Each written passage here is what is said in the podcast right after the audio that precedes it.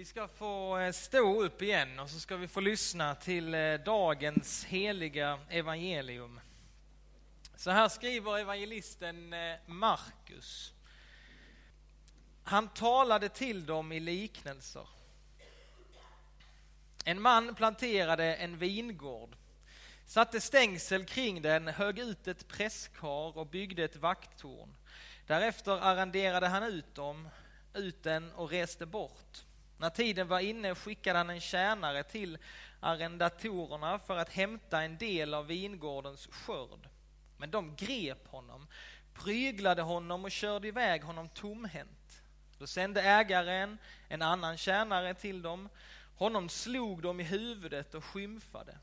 Då skickade han en till och honom dödade de. På samma sätt med många andra. En del misshandlade dem och andra dödade dem. Nu hade han bara en, sin älskade son, och honom skickade han som den siste. Han sade, min son kommer de att ha respekt för. Men arrendatorerna sade till varandra, här har vi arvtagaren. Kom så dödar vi honom. Då, då blir det vi som får arvet. Och de tog fast honom och dödade honom och kastade honom utanför vingården. Vad gör nu vingårdens ägare? Han kommer dit och tar död på arrendatorerna och ger vingården åt andra. Har ni inte läst det här stället i skriften? Stenen som husbyggarna ratade har blivit en hörnsten. Herren har gjort den till detta och underbar är den i våra ögon. De hade gärna velat gripa honom, men var rädda för folket. De förstod att hans liknelse var riktad mot dem. Därför lät de honom vara och gick sin väg. Så lyder det heliga evangeliet. Lovad vare du Kristus. Varsågoda sitt. Vi har fått lyssna på Jesu liknelse han berättar en liknelse för oss om arrendatorerna och vingården. Och som så många gånger tidigare så berättar Jesus en liknelse för folket. Han använder sig mycket av det här sättet att förmedla kunskap.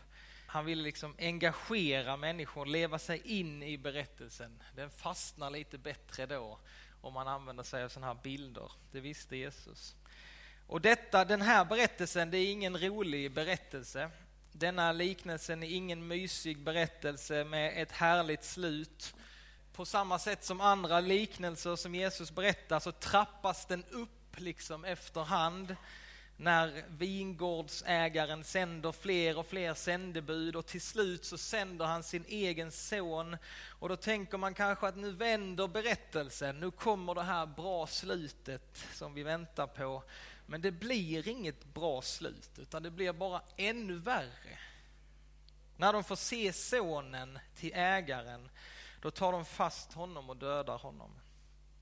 Och det slutar med att ägaren själv åker dit och tar på arrendatorerna och ger vingården åt andra. Som så många gånger tidigare så berättar Jesus en liknelse som folket där och då, alltså de som lyssnade första gången, de förstår precis vad han menar. Men vi som lever idag, va, här och nu, vi har lite svårare att hänga med eh, i de här eh, alla bilderna som Jesus använder. Vi behöver lite mer kunskap om bakgrunden till den här berättelsen för att hänga med. Det är ju så, vissa saker som man får höra så bara är de liksom, eh, de är så fyllda av minnen eller förväntan och, och man kan bara säga ett ord, gröningen. Några känslor som väcktes där. Andreas Granqvist. Ni förstår några av er. Eh, de vet ju inte det, judarna. Det är bara vi som har koll på det. Men så var det då, att det fanns ord, bilder, begrepp och bara de sades så väcktes någonting och de förstod precis, han menar detta. Men vi har lite svårare att hänga med, så vi behöver jobba lite här nu. Det är så tydligt, det är övertydligt för alla de som lyssnade på Jesus då att han refererar till profeten Jesaja kapitel 5. eller hur? Vad står det då där? Jo, vi ska läsa från Jesaja kapitel 5.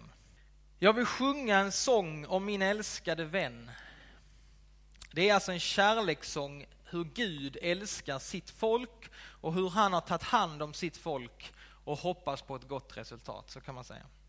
Jag vill sjunga en sång om min älskade vän, en sång om min vän och hans vingård. Högt uppe på en bördig sluttning hade min vän en vingård. Han luckrade upp den och plockade sten och planterade ädelt vin. Han byggde ett vakttorn, vi känner igen det från liknelsen. Han högg ut ett presskar, Jesus säger också det. Han väntade sig söta druvor, men vingården gav honom sura. Döm nu, Jerusalems män och Judas folk. Döm mellan mig och min vingård. Vad mer kunde göras för min vingård som jag inte redan har gjort? Jag väntade söta druvor. Varför gav den mig sura? Nu ska jag låta er veta vad jag tänker göra med min vingård. Jag ska ta bort stängslet så att den blir skövlad. Jag ska riva muren så att den blir nertrampad. Jag ska låta den förfalla. Där ska inte beskäras, inte hackas. Tistel och törne ska ta, ta överhand och molnen ska jag förbjuda att fälla, fälla sitt regn över den. Herren Sebaots vingård är Israel. Judas folk, hans älskade plantering. Han väntade oväld men fann våld, väntade rätt men fann orättvisa. Alltså den här bilden av att Israels folk är Herrens vingård, den kommer igen i Gamla Testamentet. Vi kan läsa från Jeremia 2, där står det så här, jag planterade dig som ett ädelt vin, en ranka av yppersta slag. Hur kunde du förvandlas till en usel och främmande vinstock? Så den bilden det var liksom levande, den fanns hos det judiska folket, alla visste vad han menar. Och nu använder Jesus den här bilden och det blir så tydligt också att han väver in sig själv i den här bilden, i den här berättelsen. Och det som är liksom tydligt är att trots att Gud har varit så god mot Israels folk, bara gång på gång har han haft tålamod, han har varit trofast, så vill de inte hålla sig till honom. Trots all omsorg från Guds sida så är Israel inte villiga att ta emot Guds sändebud och de vill inte följa honom. Och då blir liksom konsekvensen här att då kan det bara gå åt ett håll. Folket vägrar lyssna, de vägrar fylla den uppgift som Gud hade gett speciellt åt det judiska folket, Israel. Och Jesus han använder den här bilden, han berättar historien men på ett nytt sätt. Israel är alltså fortfarande vingården.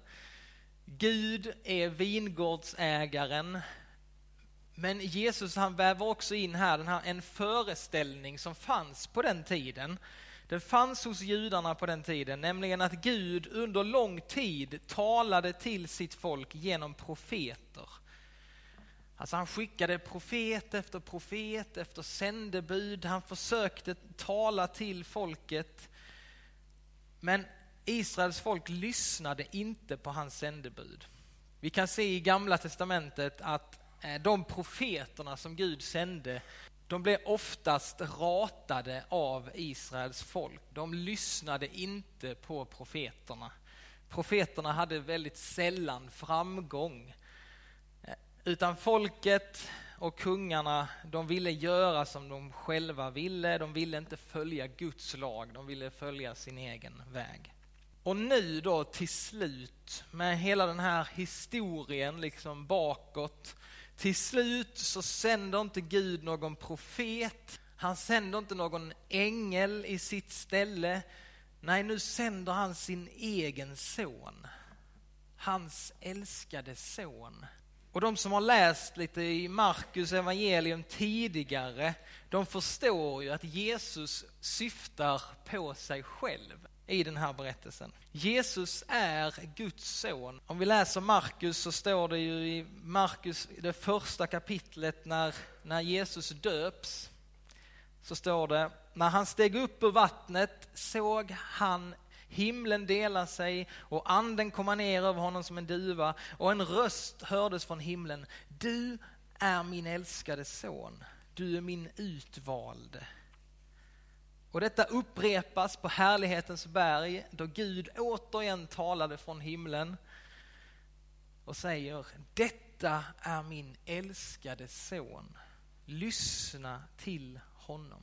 Så vingårdens ägare, Gud själv kommer till slut sända sin son. Jesus är sonen som är sänd från Gud. Och han kommer till Israel. Han kommer till Guds vingård. Och just nu här va, i den här berättelsen så möter han ju representanter från Israel. Alltså myndighetspersonerna, översteprästerna. Och de kommer, Jesus vet det, han berättar det för dem liksom i den här liknelsen. De kommer att rata honom och till slut döda honom. Det blev inget lyckligt slut på denna liknelse. Det kommer inte bli något lyckligt slut för Jesus heller. Och han vet det själv. Han är på väg till Jerusalem. Han vet att han kommer dö. För Jesus han kommer med en helt ny makt. Och han går rätt så hårt emot Israels makthavare. Och det de kan göra, de kan ju välja att lyssna till honom. Då måste de lyssna till honom, de måste, måste böja sig för honom och det som han kommer med, hans nya makt. Eller så måste de bara röja honom ur vägen. Det finns liksom ingen medelväg. Utifrån det som Jesus säger om sig själv så är det antingen så får man falla ner och böja sig för honom och kalla honom för Herre. Eller så är det bara, han måste dö. Och för oss är ju inte den här liknelsen kanske solklar. Vi behöver en del förklaringar, men där och då så var det solklart vad han menade. Alltså vissa andra liknelser som Jesus berättar, då förklarar han i efterhand för lärjungarna vad den här liknelsen betydde. Men här behövs ingen förklaring.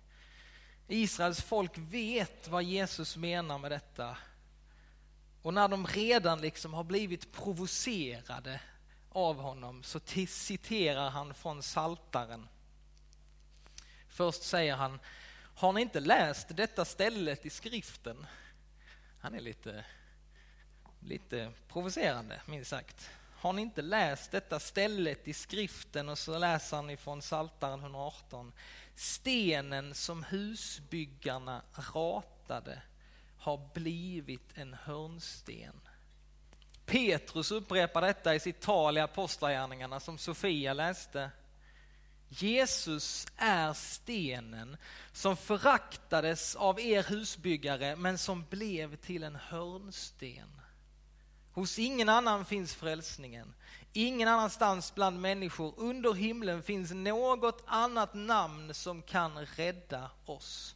Och i Efeserbrevet så upprepar Paulus detta och skriver till oss. Ni har fogats in i den byggnad som har apostlarna och profeterna till grund och Kristus Jesus själv till hörnsten. Jesus är stenen som husbyggarna ratade men som blev till en hörnsten. Jesus är hörnstenen. Alltså det viktigaste elementet i en byggnadskonstruktion. Alltså hörnstenen, den går att lita på. Den är ett fundament, den är pålitlig. Något som man kan bygga sitt liv på och som du och jag inte klarar oss utan. Du klarar dig inte utan Jesus. Förra söndagen så eh, läste vi om hur Jesus han sa orden Jag är livets bröd. Alltså, jag är allt du behöver. det är bara jag som kan tillfredsställa din djupaste hunger. Jag är livets bröd. Och idag säger han typ, jag är hörnstenen. Du klarar dig inte utan mig. Jag är den viktigaste delen i ditt livsbygge. Och det är så, antingen så hade Jesus en väldigt konstig självbild. Alltså hela hans undervisning pekar på honom själv. Det, det, det, gör han väldigt unik och väldigt annorlunda i alla andra religionsledare eller religionspersonligheter. All hans undervisning pekar på honom själv. Jag är livets bröd, säger han. Säger kom till mig. Kom till mig, jag ska skänka er vila. Han säger tro på mig. Du behöver tro på mig. Följ mig, säger han. Han säger jag är san vägen, sanningen och livet. Och antingen är detta sant eller så måste Jesus vara en helt galen människa som tror dessa saker om sig själv. C.S. Lewis han skriver i sin bok Kan man vara kristen? Och då vill han lite ta, ta tag i detta. Han skriver, jag försöker här att förhindra någon från att säga dåraktiga saker som människor ofta säger om honom, Jesus. Jag är redo att acceptera Jesus som en bra moralisk lärare. Men jag accepterar inte påståendet om att han är Gud. Och så skriver C.S. Lewis, det är något vi inte kan säga. En man som sa de, de sortens saker som Jesus gjorde skulle inte vara en bra moralisk lärare. Han skulle hellre vara en galning. Och så fortsätter Lewis. Du måste göra ditt val. Antingen var denne man Guds son eller är han en galen man eller kanske något ännu värre. Du kan kalla honom en dåre, du kan spotta på honom, du kan döda honom som om han var en demon. Eller kan du följa honom och kalla honom Herre och Gud. Men kom inte med något nedlåtande trams om att han var en fantastisk människolärare. Det alternativet finns inte hos honom. Det var inte hans avsikt. Jesus är hörnstenen. Han är den viktigaste, han är den mest inflytelserika person som någonsin har levt. Och ditt och mitt sätt att förhålla oss till honom kommer påverka ditt liv allra mest. Här i livet och i evigheten. Så frågan är, vem är han för dig? Vem säger du att han är? Vem är han för dig? I dagens text från Gamla Testamentet, vi har inte läst den, vi ska läsa lite från den nu, så får vi läsa om hur vår Gud, den levande guden, sätter Abraham på prov. Han säger till Abraham så här, ta din enda son, honom som du älskar, Isak, och gå till landet Moria och offra honom där som brännoffer. Hur kan Gud utsätta Abraham för detta? Denna fråga den är fortfarande svår att besvara. Hur kan Gud utsätta Abraham för detta? Hur kan han säga så här till Abraham? Men så vet vi att när Abraham höjer kniven för att döda sin son så stoppar Gud honom. Gud han kräver inte detta av Abraham. Utan han befriar Abraham från detta. Abraham behöver inte offra sin enda son. Men det Gud inte gjorde mot Abraham, det gjorde han mot sig själv. Alltså det Gud inte gjorde mot Abraham, det gjorde han mot sig själv. Lyssna på detta.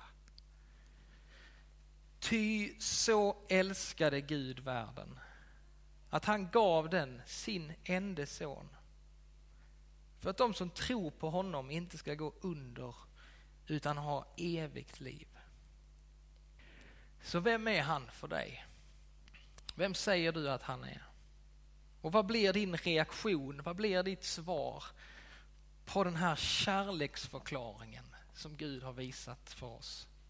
Så mycket älskade Gud världen.